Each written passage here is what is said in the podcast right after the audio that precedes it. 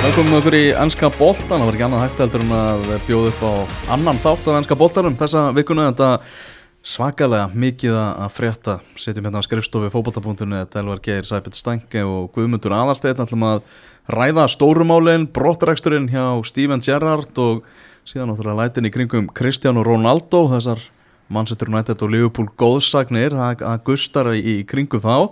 Svo náttúrulega leikir vikunar í ennsku úrvalstildinni, leikir núna í miðri viku svo ætlum við að skoða eins hvað er í gangi um helgina, þetta er það er alltaf gerast í ennska bóllarum núna þegar það er nákvæmlega nánast mánuður í að heimsmeistaramótið í, í Katar hefjast. Flauta til leiks 20. og ég held að England eigi með fyrsta leik 2001 þannig að það er nákvæmlega mánuður í fyrsta leik ennskalandsleisins á, á HM byrjum bara á málunum sem að flestir eru að tala um. Við erum að tala um í öllum kaffestöðum Cristiano Ronaldo framkoma hans og hegðun viðbröð Erik Den Haag, viðbröð Manchester United uh, hvað, er í, hvað er í gangi, hvað er þetta að segja? Það eru margi búin að tjá sig ykkur mig, mm það eru meðal Manchester United góðsagnir gamlar sem eru að taka upp hanskan fyrir Ronaldo Já. og segja að illa komið fram við hann uh, á Ronaldo að fá bara silki hanskana og já bara fá hann ánast að gera hvað sem hann vill þarna innan félagsins.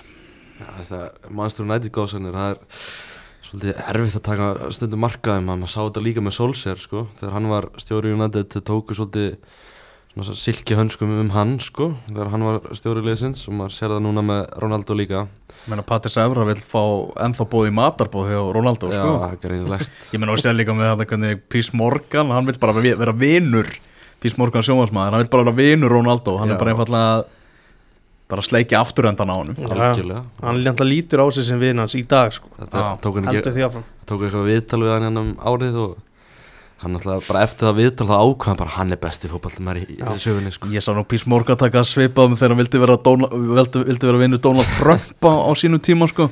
mm. Þannig að Svona kissas þessi gæði sko.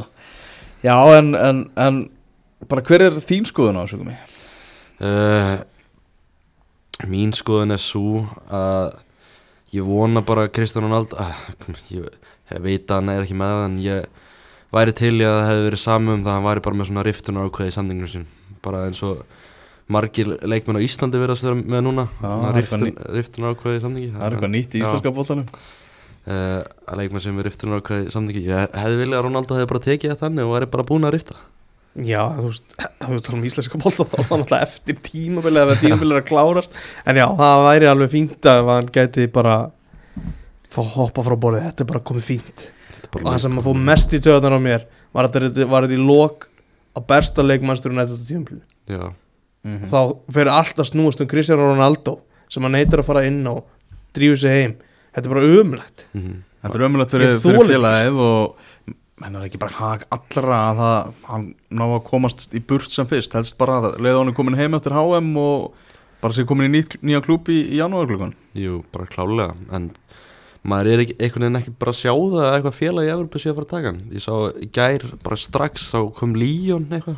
Líón, ég held að það veri Líón sem var að tjá sig. Eitthvað Fossetti, held ég knaspunumála hjá Líón Hann sagði að þeir gæti ekki tekið Ronaldo Þeir var að hugsa um leiðseldina Ekki bara um einhverjar stjórnur Takk fyrir það, innlegg fórsetið Líón Mhm. Alltaf mjög mikið á leiðinni þangað. Já, Ég meina að fá að vera orðan þarna við eitthvað, þú veist, peningamút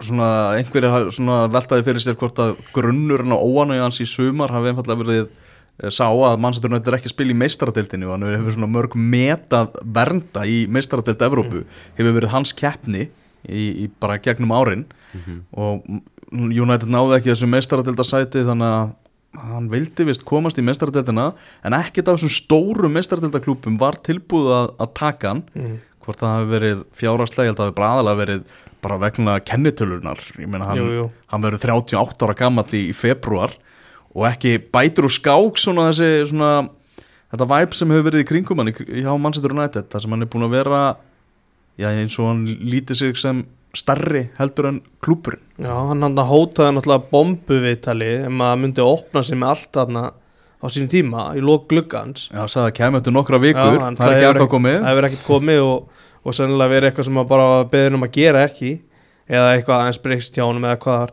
Var ekki Dortmund svona líklegasta lið hann á tíðumbili? Jú. þegar að Haller var grindur að þá, Og Chelsea líka. Jú, og Chelsea Já. Bóli náttúrulega reyndi. Já, Todd Bowley vildi fá hann en Thomas Tuchel, stjóri Chelsea sagði bara nei takk. Það var ekki ástæðan fyrir því að Tuchel var rekin svo? Það var eina þeim. Jú, það að segja þér. Það er talið að það hafi svona byrjað að skvettast upp á vinskapin milli þeirra. En eins og segir hann, það, þetta er bara þú veist, hann, jú, kannski, hann vildi spila mistaldinu en málið er að eins og þetta var að þróast svona fannst mér með nýju stjóra, alltaf maður var ekki búin að sjá undirbúin stíðanbili, sjá hann með liðinu en með að við hvernig tíðanbili svo byrjar þá, þá hefur hún aldrei ekkert verið að spila í mistaldinu með Master United. Nei, ekkert meira enn í deildinni. Nei, mitt þannig að hann kannski sá það náttúrulega ekki fyrir eins og aðri sko, en Þessi, staða er bara, þetta er hundleiðilegt þessi gæi bara í dag þá gefur hann ekkert inn á vellinum nema mörg sko mm. gefur nák og bara í nútíma fótbolta þá virka það ekkert sko Já, og þú veist, gefum líka með svo vond væpin á milli, Já. svona það er bara svona heng, hangir haus og er bara stælar í honum og það bara Já. gengur ekki sko alltaf er geggjaður þegar vel gengur það er bara þannig, Já. þá er dýrkaðan allir, sko, þess vegna hefur náttúrulega vel gengið, þú veist, menn hafa alveg fílaðan þegar að vel hefur gengið hjá Real Madrid og Juventus, sko. Mm. en svona inn á milli er hann örgulega óþólandi, sko. Erik Ten Hag er bara til að nýtekja við þessu liði. Hann þarf að glíma við það að Ronaldo er í einhverju verkfalli eða mætir seint til vinnu í, eftir, eftir sumafríið persónar ástæður sem, að, sem eru gefnar upp. Mm svo spilar hann að leika móti Rayo Vallecano uh, æfingarleik þar er hann tekin út að spila fyrirháleika eða eitthvað og svo fer, fer hann bara heim í staðis að, að klára leikin og Erik Ten Hag tók á þessu máli og talaði við allir og sagði bara þetta er bara óásættanlegt og þetta er ekki samkvæmt reglum fyrir hluta liði og Mhm. þið klárið leikin með liðinu. Og þannig að það var búið að gefa Ronaldo gulaspjaldið og eins og Erik Ten Hag ég horfði að fréttamannafundi á hann núna í morgun eins og hann sagði bara það er bara, hann er hann að fá brjóta reglunar aftur og það hefur afleðingar og ég þarf að sína hópnum það bara til að halda móralnum innan hópsins að það eru reglu sem maður þarf að fara eftir og það þarf að vera þetta sé Kristján Ronaldo þá er hann hluti af liði. Erik Den Hag, hann er að stíða svolítið fast til jarðar. Uh, ég held að Luke Shaw hafi verið að segja það svona að þetta er hann fer bara eftir þér framistuðu leikmanna og, og, og hegðun og allt hann menn er ekki að fá einn einasta afslátt yfir út af fyrri afreikum hjá þessu manni, við sjáum til dæmis Casemiro, hvað hann er lengi að koma sér inn í byrjunalið og til hann sagði bara McTominay er að spila svo vel. Og svo hann líka núna bara Fred komin inn í liði líka. Já, hann bara, bara hvað þú gerur á æfingarsæðinu þá ertu bara í liðinu hjá hann sko. akkurat og ég dýrka þetta, þetta er auðvitað átt að vera svona allstar. Auðvitað. Þetta bara Það sjálfs- sjálft það sjálfsagt. Já, en þetta er, þetta er mjög, svona, mjög töff hvernig hann er með stóra karakter og veist, ef við ímyndum okkur bara Sir Alex Ferguson, var dýramastur nættið Kristján Mhm. Ronaldo, hann væri farið núna. Mm veist, það, var- það væri mitt tíðumbil og hann væri bara plónum það er ekki séns að myndi líða þetta. Þú veist, hann, sparkaði stórum karakterum í burtu þegar það var komið tími á það sko. Það er þetta Ferguson og Ronaldo bestu vinir í dag. Eru segjum að þessi pappi og sonur sko. segjum hann heiti ekki Ronaldo skiluru segjum að þetta sé bara nýr leikmann komið til United. Mm, við sáum þetta hvað en auðvitað, Það- umræðin er það náttúrulega því að hann er góðsögn hjá United já, og er, er þessi spilar sem hann er þannig að það er við kannski að segja það sem ég var að gera að segja þetta að vera einhver annar sko. Með þetta er eitt besti fótballtamaður sögunar mögulega sá besti. Piers Morgan segi það. Já, Ro- Ron- Ronaldo finnst hann vera besti leikmaður sögunar og, og virðist með þetta, þessu bara að hann, vir, hann haldi það að hann sé stærri heldur en klúpurinn Manchester United. Hann er bara að sína það, hann er bara slétt sama um Master United eftir allt það sem hann hefur gefið náttúrulega félaginu mikið en félagi hefur líka gefið honum mikið en hann er bara að sína með þessari hefðun að hann er bara slétt sama um félagið og hjálpa því. Þetta var pínu fara að minna mig á þetta er svo an- aðeins svolítið öðruvísi en þetta pínu fara að minna mig á Paul Pogba. Það er allt fara að snúast um einn gæja. Mhm. þetta er óþórandi sko. Já, þegar lið, þú veist, hann svakalega gæja reyndar. Já. já, já, þú veist, liðið er bara að spila fara alveg vel í þessu leik og fer allt, allur fókus á Cristiano Ronaldo. Mhm. það er gjössalega glata sko. Já, hann strunsaði hann af Old Trafford fyrir lokaflaut og Ten Hag staðfesti það sem fjölmjöla greindur frá í gær að hann einfallega neitaði að koma inn á mm. Ten Hag ætlaði að setja hann inn á hann hvað 87. mínútu, Mhm. cirka bát fá hann til að aðstofa við að bara klára leik hann, en hann, en hann frábæra leik hjá Manchester United af hverju hefði hann líka átt að koma fyrir inn á þú veist, að liðið var að spila og segi, bara geggja þann leik sko. Og bara sínt sig bara í þeim leikin sem Ronaldo hefur ekki spilað að liði bara spila betur án hans Mm. þegar hann er ekki inn á vellinu Já, langa oftast er það þannig, já. mm Ég menn og svo bara attitúti hjá hann þegar maður er búin að sjá þessa leiki, þú veist, þegar hann er að spila í Evrópudeildinni og, og slíkt þú veist, þegar hann er að klúra færum eða er ekki verið að senda á hann líkamstjáningin hjá honum Mhm. er öll bara þetta á að snúast algjörlega um mig og það lítur að þannig út auðvitað vissi hann það þegar hann strunsaði út af áður um að búa að flauta af, leikina af hvert, hvert kamerunna myndi beinast. Mhm. hver myndi fá fyrirsendar hann bara vildi fá sviðsljósið og aðtiklina Ronaldo hefur líka bara ekkert getað á þessu tímbili þegar hann hefur spilað. Svona minnistætt þegar hann spilaði á móti Omonia Nicosia útivelli í, mest- í Evropadelni bara eins og liðsfélagur hans var að reyna að gefa hann mark. Það var alltaf bara að senda hann í döðafærum og eitthvað hann bara gati ekki komið boltanum í nendið og ég held að þessi klálega þetta undirbúinstífumbil sé að spila inn í þess að hann ég held að hann hafi bara farið í verkfall sko, að því hann gati ekki komist frá Master United og þá neitaði hann bara að mæta. Segir að sé ykkur persónlegar ástæður en mér finnst það eitthvað hálf tilvíðulega kent sko en þannig hefur bara ekkert verið góður á þessu tímbili það verður bara að segjast. Hann, það er svo leiðilegt að hann sættis ekki við það á þessum aldri að vera, þú veist, part-time leikmaður, vera bara, þú veist, í svipu hlutverki og ef við tökum bara aðra mannsettur United góðsögn Ryan Giggs var í uh, síðustu árin hjá, hjá United þar sem hann var kannski ofta tíðum að spila eitthvað þriðja hvert leik kannski. Já, og voru valdi leiki bara fyrir hann. Já, nákvæmlega. Já. Og Ronaldo gæti, gæti verið flottur leikmaður bara, veist, kannski skrítið að segja bara inn á bekknum koma inn og skila mörgum þegar United þarf að halda. Já, hann er ekki lengur 27 ára sko. Nei, Nei, nei. það sést á því hvernig hann spilar. Já. Og já, ég held Hvernig fannst ykkur hérna Instagram fæslan hjá honum í, í gær? Hann situr hérna einn mynd og inn að gæsalappa afsökunarbeðinni, þú veist, hann segir ekkert beint fyrir gefðu, Nei, hann segir einhvern veginn bara, þú veist, við erum United og við stöndum saman og, og segir það að hann hafi alltaf einbeitt sér að því að reyna að gefa til yngri leikmanna og, og allt það. Mér finnst það einhvern veginn meira með þessari fæslu vera að reyna að verja orðspór sitt, veist, gagvart öðrum félögum sem mögulega geti fengið sig, heldur en nokkuð tíman að, að vera með eitthvað eftirsjá eftir þessu. Það er það sem að ég lesi í þessu. Ég tek undir það mér finnst ég að sé þetta svona hundra sinni hjá hann sko. Já. bara sama Instagram postin bara, já, við erum í þessu saman áfram Master United þeir eru alveg alltaf, alltaf svona hjá Já, hann já. þannig að ég, svona, ég kipti mér ekkert droslega mikið upp, upp þessa fæslu sko. hann er bara að reyna að verja eigin ímynd það er það sem að hann er að gera með þessari, þessari Instagram-fæslu sko. Já, ég væri alveg til í að geta bakkað hann upp en það er bara ekki hægt sko. Nei, það er, rosalega, erfitt Já. En þarna Ten Hag sagði líka á þessum fréttamannafundi í morgun að hann liti enn á Ronaldo sem mikilvægan leikmann í hópnum mm. enski fjölmjöla að tala um að þetta séu þrýr dagar, þryggja daga refsing Já. sem hann megi ekki æfa með félaginu og ofan á það sé þetta ein miljón punta í, í sekt Þannig eftir einhverju kerfið hluti af laununum hans Já, eitthvað prósentutala á launum já, og slíkt á, hann er á, vegna laun eða eitthvað. hann er á ágætis launum Já. Hann er þá vantilega ekki í hóp um helgina Nei, það er búið að gefa út, Já. verður ekki hóp Já, Chelsea á morgun Já. á brunni Mhm. og Ronaldo er ekki í hóp og Ten Hag sagði líka, hans verður saknað þetta er högg fyrir hópin að vera ánans en uh, það þarf að hann sagði bara ég er stjórin, ég ræði þessu ég, ég, ég þarf að bregðast Mhm. við Ég meina, þú veist, eh, ef við, ef við gefum Ronaldo það þá, þá er hann einn af þeim leikmönnum sem að kann hvað best í þessum heimi að vinna fótballaleiki mm -hmm. og einmitt, sem er bara saknað í klefanum og í hópnum. Þetta bara Mm. gef, gef, segir sér sjálft þannig að þetta er þetta er, uh, þetta er leiðenda skellur sko. En þetta er bara vandamál sem að mun viðgangast áfram. Mm sér ekki fyrir endan að því? Nei, ég vona bara að komist í burti í janúar, ég held að það sé það málið.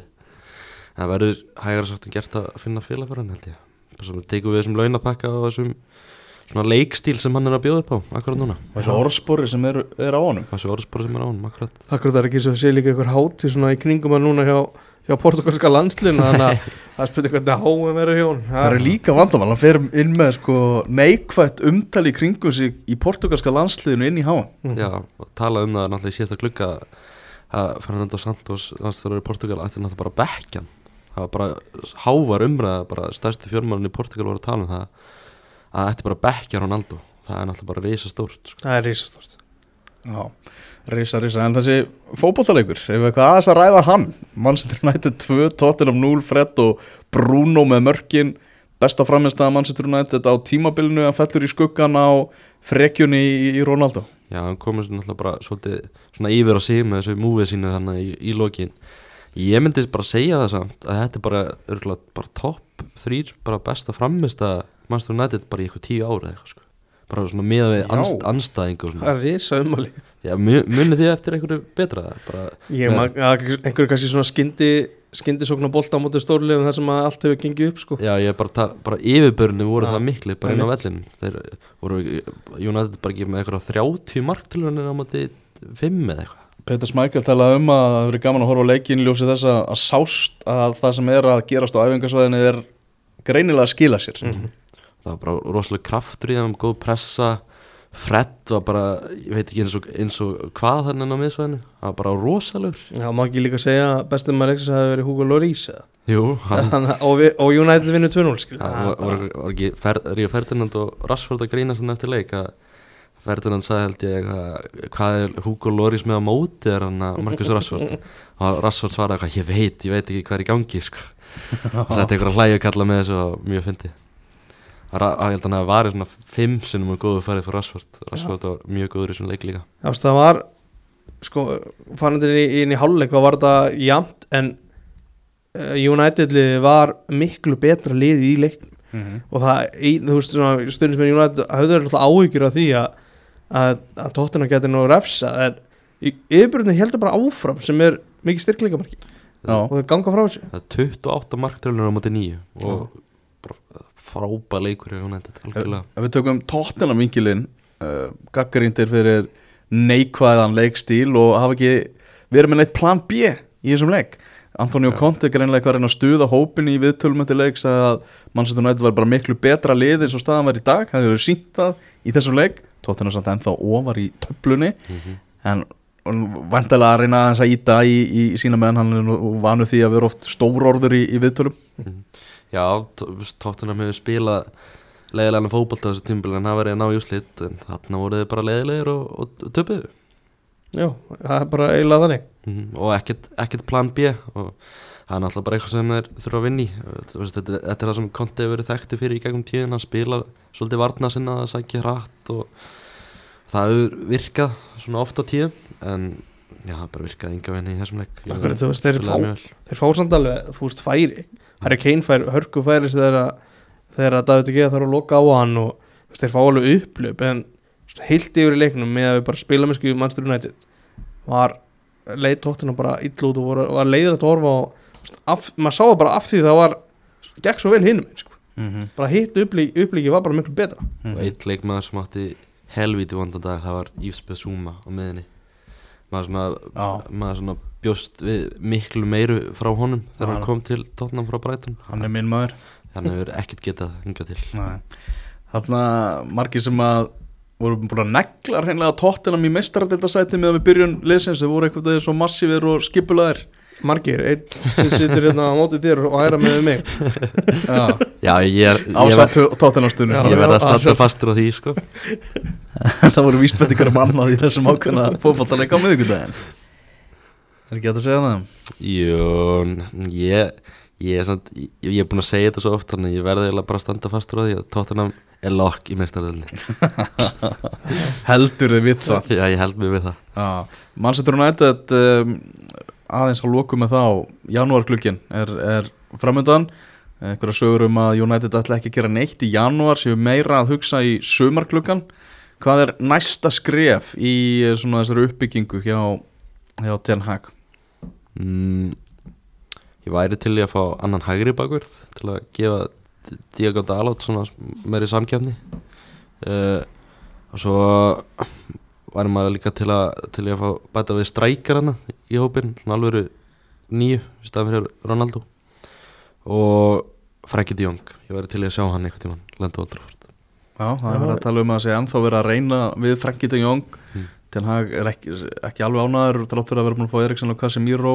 Þau eru ennþá að bæta svona við gæðum og sköpunar mátt á, á miðursvæði mm Ég tek undir þetta, en það er eitt svona sem að kannski ekki mikið vera, vera að ræða núna, það er alltaf mín tilfinning svona í síðustu leikjum í United er að, að David De Gea hafa aðeins breyst Mm. mér finnst hann aðeins vera opnari fyrir að, að, að svípa fyrir aftan og, og vera opnari fyrir að spila boltan líka Mm. það, er eitthvað, það er eitthvað að gera þarna þessu æfingarsvæði sem er að virka sko. hann átti geggja að vesla um til tóttunum Mhm. og, svona, hann náttúrulega renn út á samningi eftir tíðanbili og er að svona umræði í gangi í hvort hann Mhm. fá nýja samningi eða ekki Akkur, þú veist, það er í rauninni það sem ég er að velta upp sko, er rætt hvort að ég að skipta honum út sko. Sagt er að að Ten Hag hafi verið spurður að því Mm. hvað viltu gera með Gea hefur að að ræða við hann um nýja salning og hann sagði býðum, býðum aðeins og sjáum hvernig næstu vikur þróast ég held að það er bara mjög vel séð hjá hann. Mér líst vel á þetta hann hjá þessum hollending hann Já. verðist vita hvað hann er að gera ég held að þrátt fyrir stór töp á tíðanbili þá er hann svona heilla marga Já, þetta er svona, það er allavega hans handbræði farið að sjást á liðinu og nú þarf hann að ná að fylgja því eftir. Mm. því að þetta er fljótt að að kólna og fara út í neikvæðina hjá Manchester United. Það er sjálfsög, reysastór próf á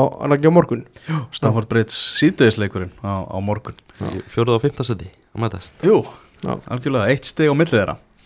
Uh, Förum aðeins yfir á, á Anfield þar sem að Darwin Núñez skoraði sitt fyrsta marka á Anfield þegar að Liverpool vann 1-0 sigur á móti Vestam, Alisson varði þarna vítaspilnu í leiknum og Herra Exki frá hömrónum Declan Rice talaði um það að hann væri bara með óbræð í munninum eftir hennar leik að þeir hafi þurft að fara þarna tómhendir úr, úr þessum leik. En Leifupólmenn þeir bara hlæja allanlega í banka. Þeir eru komnir í, á, á sigurbraut og eru að fara að mæta lélegasta liði deildarinnar núna í hátteginu á, á morgun eru að fara að mæta á Nottingham Forest þannig að þeir eru að fara að bæta við þessa sigur hinnu sína. Já það er klart mál. Þetta er náttúrulega fórræðsli það er bara það við sáum að kannski tölum að kannski aðeins eftir um Brighton hvað er, voru taprir? Uh, Þannig að ég held að sé ekki spurning að Leopold takki þann leik. Uh, Darfi Núnes kongurinn með gott markaðna og hann er farin að skora þá held ég að Leopold séu að fara að detti í eitthvað sko. Alveg vika, já, Darvin Núñas Já. Talsveit betri leikur hann heldur en á móti sitt í En menn fílan Já, sá tölum nú Arnar Laufdal um daginn og hann- hann var yfir sig hrifin á hann Já. Hann, já, talaði full í ákvæmt um þess að innkomum þetta móti sitt í sem að var ekki góð. En hérna, átt hann ekki, hann áttu ekki að hraðast að sprett hérna í Jú, hvað sögur dildar hann setti bara, hann setti met Já. og það er mikið spunni í hann að gæða sko, maður hefur séð að svona non-penalty XG og svona, það eru mörkin er að fara að detta í honum held ég. Myndur þú segja að hann væri góður í bolta? hann er góður í bolta. Og það stundum aðeins að vera svona bara gáfaður inn á vellinum sjá vellin aðeins betur, taka betri ákvarðanir. Mm. en ég held að þessi gæi geti blómstræði á Liverpool ef hann fær tíma. Uh, Vítaspinnu dómurinn sjálfur Já, Hva, Fannst ykkur eitthvað um það? Var, var það réttu dómur? mest er rétt dómur þetta er rétt dómur Já. líka. Hárið dómur En Virgil van Dijk á að, veist, á að koma spjald á loftu hvað á, á að gera eitthvað í svona Já, klálega Já, Mér finnst bara að þú eigir ekki að vera að skipta þér af Þú ert bara að halda þér fjarrri já, þegar vítaspilna er dæmt og þá átti að henda gulusspjaldaðan mm. eða kláttmál Ríkala upplugur sigur hjá, hjá Liverpool og þráttir að frammistaðan hafi ekkert verið snurulaus og vestan farið illa með mörg tækifæri. Það voru margir Liverpool stöðningsmenn og bara flestir held ég sem að óttuðust það að þessi leikur myndi ekki enda með sigri. Svona í kjölfara á móti Manchester City það væri ekkert veginn típist að myndi segja að mistiða sig á móti vestam í umferðinni þar og eftir með að við hvernig byrjunin á tímabilinu hefur verið. Mhm. og já eins og þú segir á hann núna geta þær líka byggt á þessu og tekið þriðja stegurinn og svo geta þær bara já, haldið áfram. Það er bara mikilvægast núna fyrir að sækja úslit akkurat. Bestu sigurarnir, 1-0 sigrar það sem þú ert kannski ekki alveg frábær. Mm. um, Já, eins og við töluðum hérna náttu ekki fórist Þetta er leikur sem sé nú Leopold geta unnið á morgun. Já, Þetta er einn af þeim leikin, geta unnið hennan hann var hægt að geta sjálfum sér um kent að hafa ekki fengið neitt út úr, út úr þessum leik. Algjörlega, sko, þeir voru góðir. Þeir eru bara að líta betur út finnst mér heldur en gerði, gerði upp það David, David Moyes David, David. David Moyes hann er að gera bara held áfram að gera fína hluti þarna sko. finnst mér Mm. já, er ekki saman að því Gumi? algjörlega David Moyes maður hann er náttúrulega búin að gera bara frábæra hluti með Vestam síðust ár komið tvísvar í Európa-kefni og hann er bara að gera virkilega gott mótana og Vestam voru lengi í ganga á þessu tímabili en þeir eru að dætt í gang. Já, þeir fljóti líka að fara að fá okkur að varna með tilbaka. Mm -hmm. Það er smá brasan meðslega Já. Erum förum aðeins yfir í, í fallbaráttuna skiptum aðeins um gýr og förum í leik Fúlham og Aston Villa sem að framfór í gær þar sem að Fúlham vann 3-0 sigur. Harrison Reed sem að kom Fúlham í 1-0 Mitrovic úr vítaspilnu og svo þinn maður Stækki hann Já, skora æ, æ, æ, æ, æ Tyron Minks. Áfram halda vandræðin í honum og hann einhvern veginn síðasta markið sem að Steven Gerrard fekk á sig í sinni stjóratíð var sjálfsmark frá Tyron Minks. Ekkert gengið upp í Aston Villa, ekkert gengið upp í Tyron Minks, Douglas Lewis lætur líka reka sig út af skilur samherja sína eftir tíu en á vellinum. Þegar þið voru 1-0 undir skallar hann að Mitrovic missir stjórn á skapið sínu talaði við Runald Trausta Þórhalsson, hann var á Kraven Cottage í gær. Ok, og ég spjallaði hans við hann í gerkvöldi hann var í sjokki yfir framistuðu spilamönsku Aston Villa, allt saman. Steven Gerrard var bara dead man walking hann á Kraven Cottage í Ég held að það sé klárt það var bara öll umræðan fyrir leikin sko og var orðið bara rosaleg. Ah. uh, Mér finnst það bara svo að fyndi hver skrifaði þessa sögu eiginlega. Tyron Mings sjálfsmark síðasta marki sem í stjórn til Gerrard. Það er rosalegt. Svona að tala um það síðustu vikur að það er eins og Tyron Mings hafi bara verið að reyna að láta reka Steven Gerrard bara með framistuðu sinni á vellinum. Er eitthvað svona styrt samband þeirra á milli. Ég ætla að segja að þú hefur bara verið að þú hérna seldi mér þá um sögu þetta, ég kefti hann ekki alveg strax en ég kaup hana í dag. Eftir, eftir Minn sem vildi sjálfsmarkið gera þetta í burtu. Það er bara klart Svo var þetta þannig að já, Gerrard fór í viðtölu fjölmiðla Mm. eins og barinn hundur, vissi hvað var í vændum tók fréttamannafund og eftir það þá var bara, heyrðu hérna er brefið, Mm. það er búið að reka þig. Já, Það bara strax eftir leikin Já, það var áður en hann það var bara strax eftir leik, það var eftir fréttamannafund og þá var bara sagt heyrðu, rútan er að fara, allar, allar er með það? Mm. og Gerrard fór með. Hann gerði það. Fór með tilbaka með liðinu í rútunni. Og þegar að komið var á æfingasvæði þá held hann smá tölu yfir mannskapnum og, og kvatti menn. Þetta var bara, þetta var bara og FH gerði við Óla Jói fyrir sumar. Já, bara beint þetta leik já, ég, Já. ég held að Óli Jó hefði ekki stokkið um borð í rútuna Nei, hann er nei. ég ætla, ég ætla að leifa mér að giska það Nei, en þetta er rosalegt högg fyrir bara Steven Gerrard og, og svona hans ímynd sem þjálfari og þegar hann tekur við Aston Villa eftir gott gengi hjá Rangers þá var umræðan svo að hann var í þjálfarabúðum uh, þjálfunabúðum fyrir, því, fyrir það að fara í stjórastólin á Anfield taka við þegar Jörgen Klopp myndi hætta Mhm. Við rætum þetta þess við Arnar Löfdal og spurðum hann svona í dag ef að Leopold þyrfti að skipta um stjóra hver tæki við? Hann var ekki með neitt svar. Já. Þú veist, og Gerard er bara hann er ekki í, í kortunum að eins og, eins og er og eðlilega hann hefur bara ekki sínt það í úrvarsleiltinni að hann sé verður að, að taka við Leopold allavega. Algjörlega ekki á þessum tímapunkti hann þarf að gera eitthvað meira. Og það er erfitt að sjá hvað félagi hann sko taka hann eftir hann tíma hjá Aston Villa Já, hann hefur fengið að kaupa. Hann hefur fengið að velja leikmenn. Þess, það er bara ekki gengið. Mm kannski st- stór punktur í þessu að fyrir tímabilið þá mist hann svona sinn besta mann Michael Beal sem fór til Queen's Park Rangers. Það, gerðist það er nefnilega svolítið svona það er risa afhjúpun í þessu öllu og Asli Prís sem er íþróttafréttamaður hérna í, í Birmingham Mhm. hann var í viðtali á BBC í morgun þar sem hann var að tala um þetta áfór nú ekkert mjög fögurum orðum um Steven Gerrard var að tala um að ja, sem stjóra sagði hann vorkendunum því að hann hefði vissulega verið að gera sitt besta en hann hefði ekki já, náða að þróa neitt, leik, neitt leikstíl með, með liðinu ekki náða neinn út úr mönnum og úslitin ekki, ekki að fylgja. Uh, síðan kem, nefnir hann nefnir þennan Michael Beal sem að var í akademinu hjá Liverpool og þar kynnast þeir Mhm. gegnum Liverpool.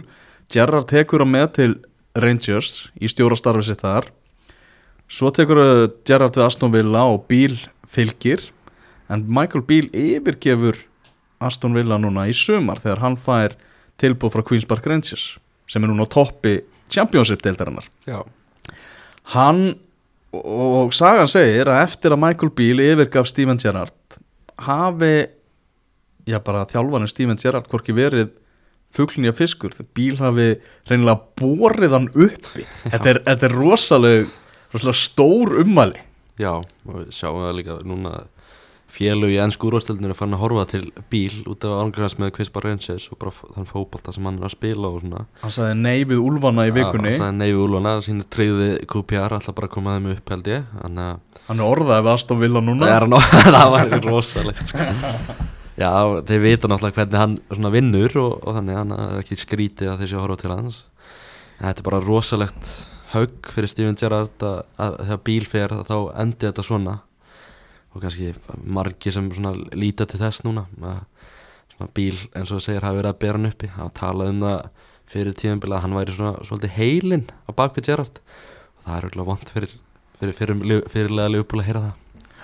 En Gerard Risanab algjör góðsögn hann fær alltaf annars séns mm. einhverstaðar Getur við ekki spila Rangers bara að taka hann aftur einhvern tíma En menn var ekki sama umræða þú veist með Frank Lampard þegar hann hættir í á Chelsea skilur við hvar á hann að fá sénsinn næst mm. mm. Ná, Hann fikk senn sinni í úrstildinu Þannig að það er kannski ekki líka Já, hann var líka húst, í svolítið erfiðri stöðu þannig að Chelsea Hann þurfti að spila á leikmannu sem að voru hjá félaginu eða erfiðri, bara öðru stöðu og gerði það svona allt í lægi, bara ekki nógu vel Það menna að Gerard bara hefur ekkert sínt Nei. og verður erfið tímabil núna svona Philip Coutinho og svona maðurinn sem hann veðjaði á og Aston Villa laði rosalega mikla vinnu og rosalega mikla fjármunni í að fá þennan leikmann. Hvorki markni stóðsending frá hann hann hefur ekkert komið með að borðinu á þessu tímabili. Ekki neitt. Og Jacob Ramsey svona þeirra svona mest spennandi leikmann er ekki alveg ná að skína. Nei, eins og hann hefur tekið skref aftur. Það talaði um það fyrir nokkur mánum að, að sáleikmar geti alveg gert tilkall í háum hóp englendinga sko. Hann það er svolítið langt frá því í það er dag. ekki sens í dag, hann er svona svipað svona langt frá því og Jesse Lingard myndi ég segja. Þá er, er ástand. Já. en ég, þetta er bara klálega rétt ákvörðin hjá Aston Villa, það var ekkert að frétta hana Mm. og þetta rekur hann þegar það tapa þrjúnan á móti fullan uh, hver tekur við þessu? Michael, Michael Beale uh, Í dag var eða eins og þegar ég var að skrifa eitthvað frétta þá var Pochettino Pochettino uh, hann var talin líklegastur. En það er eitthvað svo langsótt fyrir mér. Nú er Athletic sko búið að segja það Já, að Pochettino sé ekki séns. Ok. Að það sé bara Pochettino hefur bara strax sagt leið og Aston Villa hrindi nei, nei, nei, ekki séns. Ég var að þjálfa hérna Mbappe og Messi í fyrra dag sko. Ég er ekki að fara að þjálfa Tyrone Mings á, á morgun sko. Að það er svolítið að þjálfa mingsar hann sko. Það er sem ekki, hann har alveg sagt það en, en þeir, þeir, eru, þeir eru stórhuga eigendur Aston Villa og, og sagt að fyrstu menninni sem þeir hafi í hafi verið Pochettino og Thomas Tuchel. Já, það hafi verið stuttsýndur mm. Þú veist, þeir eru ekki að fara í fallbarátuna bara með Aston Villa í ennsku eru þeir, eru stóru en kannski smá veruleika fyrir til líka. Shit, sko. Hún er Emri, þetta er- sá ég nafn sem að geti komið. Já, Emery, það er kannski aðeins ná raunhara mm. Rafa Benítez. Já, hann er röglega til í að taka þetta. Já, Thomas Frank og Brentford var nefndur en, en fórðan með Brentford eru vist alveg vissir á því að hann sé ekki að fara frá þeim til að taka við Aston Villa. Nei, er, er það Brent- ekki bara jafn spennandi eða meira spennandi heldur en Aston Villa? Jú, akkurat þessum tímabúti Já, já, ég menna og hann er einhvern veginn skilur það vera að fara eftir hans vegferði á. Brentford og þeir eru í tíundasætti í fínum málum. Frankarinn er bara líka, hann er bara herra Brentford Akkurat núna. Mm. Það er- Það hugsa um Brentford, það hugsa bara um Frankarinn sko. Ég hugsa þetta um Ivan Tóni Nei, Sean Dice var líka nefndur. Já, Úff, hann var að lista hana Hvað það er óspennandi samt. Var Sean Dice maður? Ég get alveg séð það samt. En eitt spennandi nafn sem að Athletic er að tala um það er Ruben Amorim. Já, það er meira spennandi sko. Þannig erum við að tala um 37 ára stjóra sem er hjá Sporting Lissabon. Já, og er talin svona mest spennandi ungi stjórin, einn, einn af þeim. Hann uh, gerði Sporting Lissabon að uh, spánar, nei Portugalsmeisturum segi ég, í, í eh, 2021, aha. Fyrsti titill þeirra í, í fyrsti spán, uh, Portugalsmeistaratitillin svo ég sagði það rétt. Þarna í 19 ár og var valinn stjóri ársins í Portugal. Ok. Ekki að spáni. Nei. En ef hann vildi fara frá Sporting og í úrstildina væri hann þá ekki búin að taka við Wolves Já. En þú veist, ég er bara að leggja saman 2 og 2 hérna sko. Já, nákvæmlega. En ég held að Aston Villa geti gert margt vitlega svona ráða þenn gæði sko. Mm. Hann er með svona hugmyndir og er ógeðslega spennandi þjálfari held ég. Já, En svo er það bara veist, það er hægra sagt en gert einhvern veginn að ráða stjóra. Við með sjá það Bornmóð er ennþá bara með bráðabyrjastjóra Úlfarnir verða með bráðabyrjastjóra út árið, tilkynntu það. Þeir eru búin að reyna við hérna ímsum en, Steve Davis sem er búin að vera bráðabyrjastjóri á þeim, hann mun klára árið svo ætlaður hans að sjá hérna í bara janu, janúarklukkanum eða eftir HM, hvort það sé ykkur sem er í, í bóði, þeir eru endur náttúrulega að fá Lopetegui og, og, og Michael Beal mm Já, þetta er áhuga sko. Hvað er erfitt að ráða stjóra akkur núna? En ef að Steven Gerrard fyrir að þjálfa á Anfield þá held ég að hann verið sem aðstóða þjálfari Já, hann er ekki sjens að er ræðan sem aðalþjálfara núna sko. Já, leifum árunum að líða það er að, en það verist vera að, að Steven Gerrard þurfa að bæta svo ímsu sviðum sem, sem stjóri þessi frábæri leikmaður áður en að hann fer að í jafn stórt sæti og að taka við á Jörgen Klopp. Já, Já, að þetta er lifandi þáttur og ja, hann svo sem verður er bara upptakað í framhaldinu en þá hérna fór ég að skoða líklegustu kandidatana hjá, hjá Ástofilla eins og er. Rúbin Amorim í fórustinu tala líklegri en ekki að hann Já. það ekki við. Það sko, Sjón- segir að það sé búið að ræða við hann sko, sem búin að heyri í hún Sean Dice næst líklegastur. Er, úf, það er svona Þetta eru algjörlega tveir heimar þarna sko. Sean Dice og Ruben Amarín Já, Sean Dice, hann er bara svona ekki bara svipa spennandi og sama Allardyce eða? Já, jú, Sam það er Allard- alveg sem- Sam Allardas myndi samt ná að fara hringin í að vera, vera spennandi. Sakna frétt að mann að finna með Allardyce Það er ekki að fara að fá hann aftur í vinnu eða hvað er þetta? Já, er ekki, vantar ekki breytum fósættisræðara Já, ég sá, mynd á því í gerð maður. Já. Vanta bráðubyrða fórstæðara Erum fyrir mjög aðra leiki sem að voru í, í vikunni. Við vorum að tala eins um Brentford og, og Thomas Frank. 0-0 á móti Chelsea í grannaslag. Og það eru komin sjö leiki núna í röð hjá Graham Potter eh, þar sem þeir hafa ekki tapað en þeir eru ekkert allt og ánæði með það að gera markarist í alltaf móti Brentford. Mm. Brent voru þú líka bara drullu góður í þessum leik og þetta er alveg allt sigur skilið held ég, að mínum mati. Já, það var hann að kepa varði eitthvað frá Ivan Tóni og svo frá Mbuemo hann líka. Mm. Eh, þeir sem áttu, áttu hættulega að skalla sko. Já, það er kannski annar punktur í að Kepa er komin aftur í marki á Chelsea og hann er bara orðin alveg býst hann er Já. bara síðustu umförum er hann bara búin að vera besti markmaða dildrannar alltaf með tölfræðina. Já. koma í veg fyrir flest mörg líka góðu markmaður hinum en David Ræja búin að vera það er öflugur. luxusmarkmaður í síðustu, síðustu vikum sko. Já, kannski svona skemmtilegast þennan leik sindur á Amazon Prime og, svona nýjung fyrir hann að báður þjálfarnir mættu á sama tíma í viðtal og eitthvað svona spyrja hvern annan spurninga. Og mér finnst það svona virkilega skemmtilegt að sjá það svona nýr vinkill á þessu. Kom okkur áhugaður spurninga? Að Svo þetta er Frankarinn spurði Frankarinn var svona skemmtilegri fannst mér. Hann spurði Potter af hvernig hann var alltaf að breyta um leikjari það var snirtilega í þetta gaman aðeins. Og Potter hann svona hugsa það var svona frekar lengi að hugsa þetta og kom svo með hvað Frankarinn fannst svona mest í munurinn á Premier League og Championship. Já, Já. Takk fyrir það. En svona, ég var til að sjá þetta gerast ofta sko, hvað, hvað þjálfarar er að pæla á með því- að kollega sem hinum einn það var ekki gaman að sjá. Það mm -hmm. Það var líka gott tækifæri fyrir þá aðeins að, að, svona, að sitja, sitja keppinu utan undir pressu. Já, algjörlega. Ah, Já, 0-0 endur þessi leik en Thomas Frank getur verið bara mjög ánæður með spilamennsku Brentford í þessum leik eins og segir, þeir voru betri aðilinn á lungum köplum Algjörlega og það er ekki skrítið að önnur félug sé að bera kvíðnar í Thomas Frank eftir allt það sem hann er búin að gera með Brentford og hvernig liðið er að spila liðið er að spila heldur flottan fótbolta. Mm -hmm. Það var uh, leikur í gær á King Power vellinum. Leicester vinnur 2-0 sigur á móti Leeds. Bottlið Leicester vann hérna Leeds og án James Mattisson sem að tók út bann, tók hérna dífa á móti Crystal Palace og, og fekk fymta gula spjaldið. Þeirra lang svo sku, langmest uh, sköpunarglæði leikmaður fjárverandi, en samt sem aður þá vann Leicester þennan leik 2-0 og það er þetta er að verða svartara en sjá Leeds þeir eru að síga niður töfluna Mhm.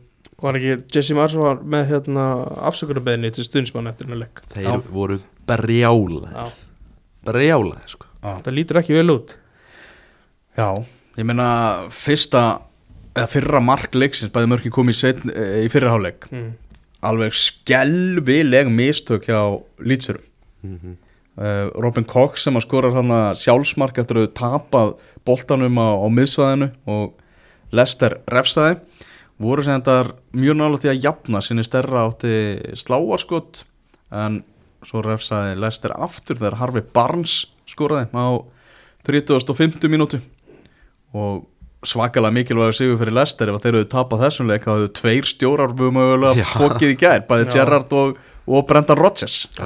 Maður, sá fréttunar að, að Mattisson er ekki með í þessum leik þá er maður að halda að svona lýtsir er kannski bara aðeins líklara til að vinna. Og kannski sérstaklega í ljósaðis líka hvernig Lester er að vera að spila í sínum leikjum.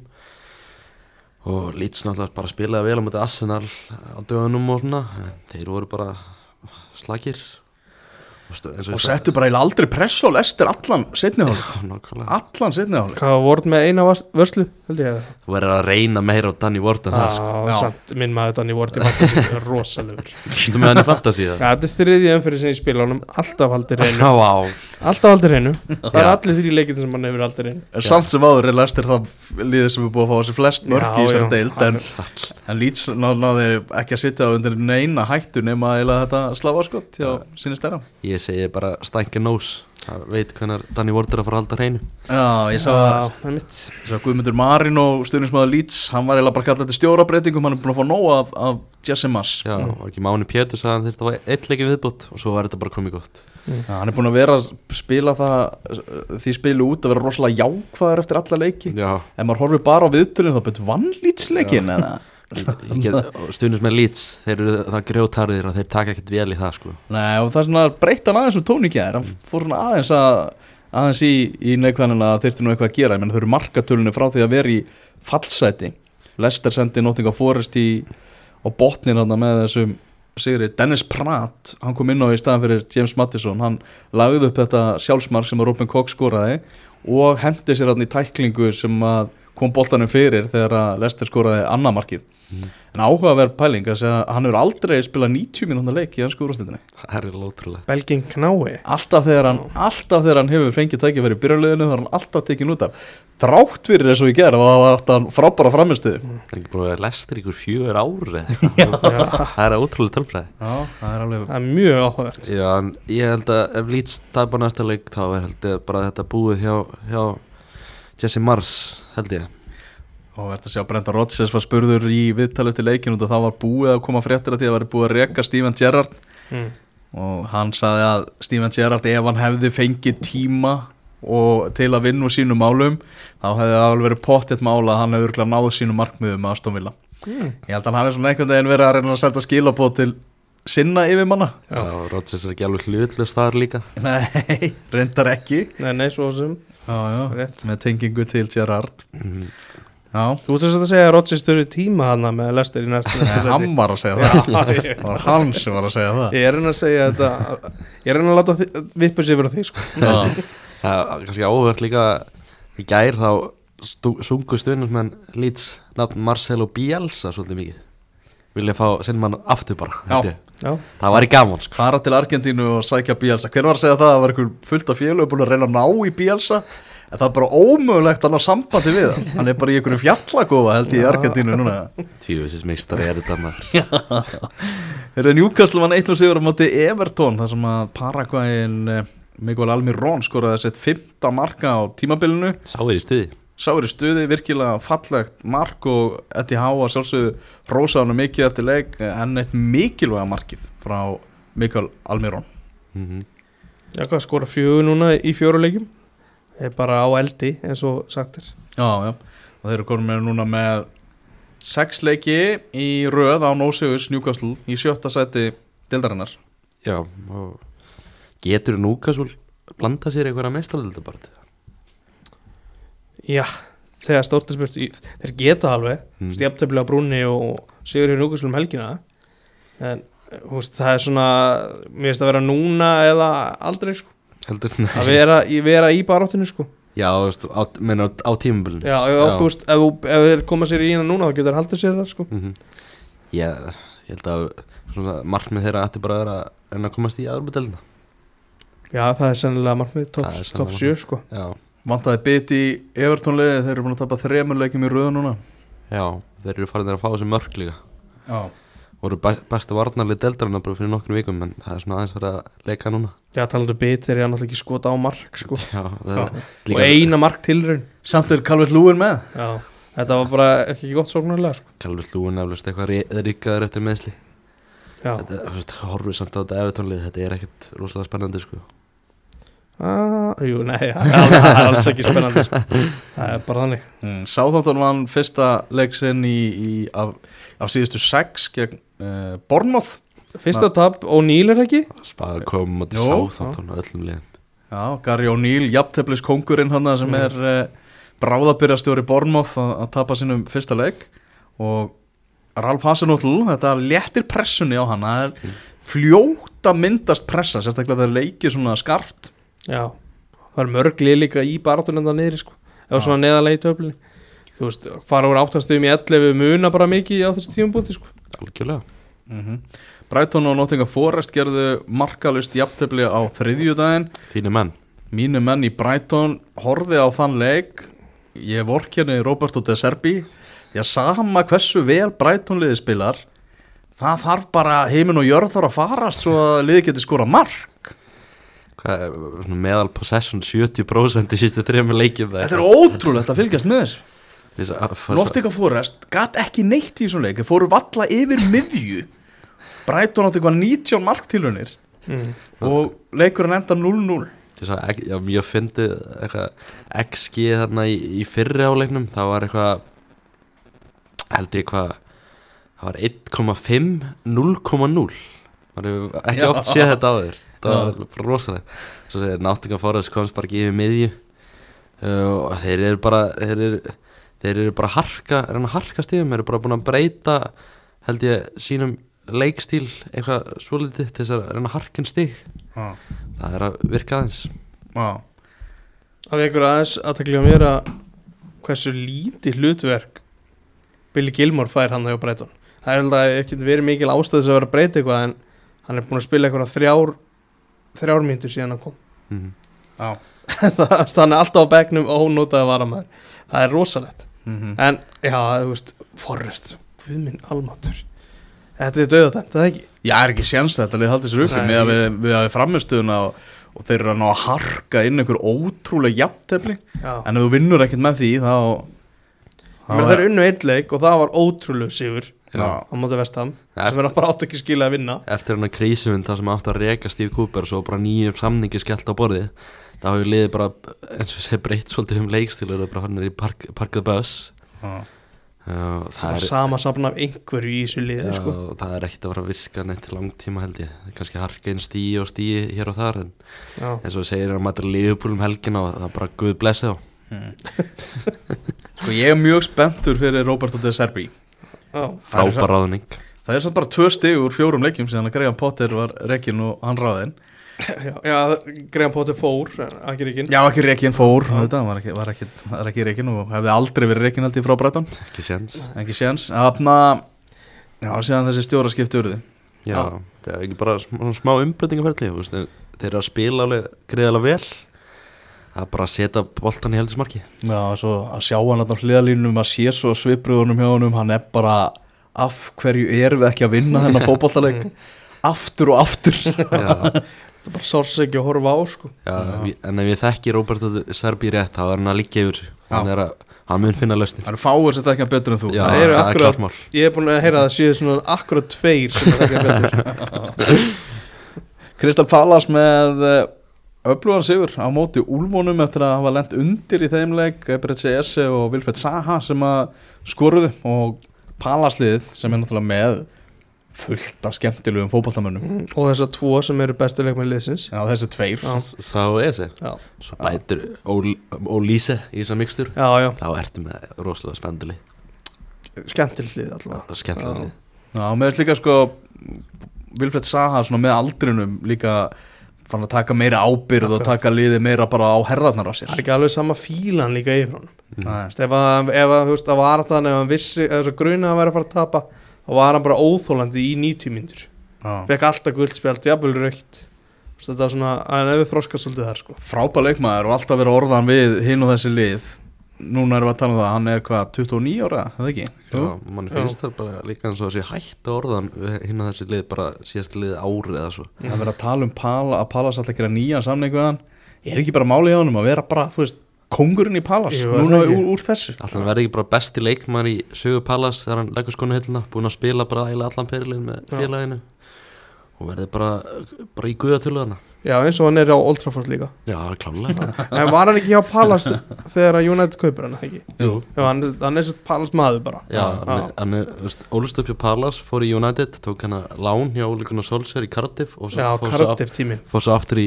Palace. Hann veliðin þar líka hef ég heyrt. Jú, hann er bara, Nei, bara nei, elskan í Cardiff. Ég, ég fíla því, ég er sammálaðið Sammálaðið er alveg að hann ætti eiginlega bara að vera þarna svona, þannig kannski að fyrir að dala eitthvað að einhverju alvöru sko. Þarna getur hann þetta líka bara verið bara nánast út ferilinn skilur Já, og, já. og, og, að, og, veist, og pressan á hann verður ekkert mikil þegar hann verður komin með Nei, nei, þú veist- stimpil almennilega á sig sko. kannski 35-6 ára þá kannski fyrir hann einhvert annan bara. Svo klárar þetta í Katar eða eitthvað? Stekur síðan Já, mögulega. En þú veist, hann er líka bara leikmaður sem að alltaf tala um kannski svona fyrir utan top 6 sem, sem einn af bestu leikmunu deildarinnar. Já, hann alltaf ef þú verður að gera eitthvað top 10 lista eða eitthvað, það held ég að hann væri alltaf inn á þeim lista hann var alltaf að nálátt honum Já, í verstafalli mm -hmm. Mannsætti sitt og Arsenal átt að mætast í vikunni en þeimleik var frestað mm. ástæðan svo að þegar Elisabeth Englandsdrótning fjall hann frá þá var leik Arsenal og, og PSV Eindhoven frestað og það þurfti að finna dagsendingu fyrir hann Mm. þannig að honum var tróðið á í, í gær þar sem Arsenal vann 1-0 sigur- sigur Granit Xhaka með markið og Arsenal búið að vinna alla fjóra leiki sína í Evrópadeildinni er á leiðinu e, í útsláttarkjarninu og það er þannig að annarsætið þá ferði í umspil Mhm. um að komast og með því að vinna reyðilinn þá ferði beint í útsláttarkjarnina og mikilvægt fyrir bara mikilvægt fyrir liðin að þessi stóru lið að í staðis að vera að auka leikjálægið og allt það að vinna reyðlana Já. sína og þeir geta núna með jafntefli held ég á mandi PSV þá eru þau búin að innsigla uh, efstasætið það var ekki umspil líka alltaf á móti liðum úr mistar jú, liður Já. sem enda í þriða það er kannski ekki alveg gefins. Nei, það er langt frá því. En við, Evropadeildina samt. Já. já, klára þú fyrir Ég að bara bæta það, við erum kannski að fara að sjá til dæmis Manchester United Barcelona í þessu já, það er alveg líklegt. Um- það umspili. alveg veistla sko. Það væri rosalegt. Mér er skemmtilegst að Europadeildina þetta, þetta fyrirkomulega þriðja seti gefur, gefur farmiða í, í sambandstildina Já, Ég er ánægð með þetta Fá meira svona rugg Já, það eru tengingar alveg út um allt. Fara á milli keppna og okkar rugg sko. Já, það er, það er þannig. Herru um helgina, eins og við segjum það er mjög skemmtilegur laugadagur í ennskúrastildinni uh, Nottingham Forest Liverpool ætti að vera gönguferð í garðinum fyrir Liverpoolmenn. Guð blessi Forrest Gönguferð í skóginum. Gönguferð í Nei, ok, skóin ég er farin Skýri skóin Skýri skói Herru klukkan tvö eru meistararnir, Englands meistararnir Manchester City að fara að mæta Brighton. Vá. Mm. Everton Crystal Palace við fram á sama tíma en uh, svona stærsti leikur morgundagsins er Chelsea Manchester United eins og við erum búin að nefna á Stamford Bridge klukkan 16.30 á Mm. morgun. Það verður leikur. Það verður leikur, það er alveg rétt að það vonandi verður spilað. Er það þessa helgi sem að klukkan breytist Er það næst eða?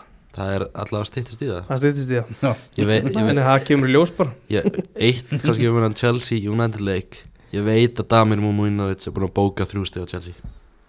Já, það er svolítið Já, hann sagði við mig hérna fyrir þessari viku. Þá sagði hann að hann byrja nú út í næstu tvo leiki í Chelsea mútið Brentford og United. Hann sagði að þetta væri bókuð fjögur stík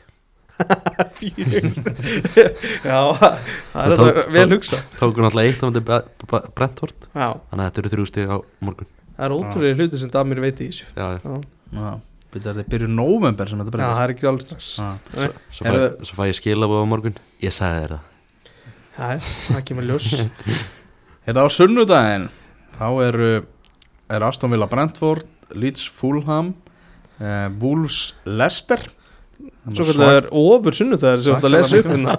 Já, svo fer nú aðeins að, að fer þetta að vera safaríkara þegar og sama, líka klukkan eitt er Southampton Arsenal. Já, svo margir leikir á svona tíma þarna. Já, þetta er svona er, Búið að breytast aðeins. Já, meira búin að vera með þetta þessi margi leikir klukkan eitt á, eða Já. fyrirpartin á sunnudegi. Mm. og svo setnipartin þá er Tottenham Newcastle. Það er áhörulegur já, og Vestham Bournemouth síðan á mánudaginn.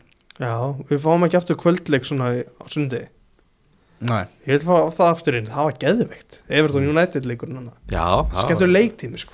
það var gaman að því. Já, við erum að fá sko laugataskvöld síðan bara. Ok, það er er spenntur fyrir þessu. Já, það er á Liverpool Leeds 29. oktober Já, Það eru alltaf leikir sko. Hann verður 18.45 á laugataskvöldi wow, meistarðalega tíma á lögataskvöldi Já, Veistla I like that. Það er mikil, mikil veisla þar. Mm. Þegar þannig var uh, Enski boltinn, þátturum við aftur á dagskrá eftir helgi, þar sem að eh, helgin verður gerður verður þess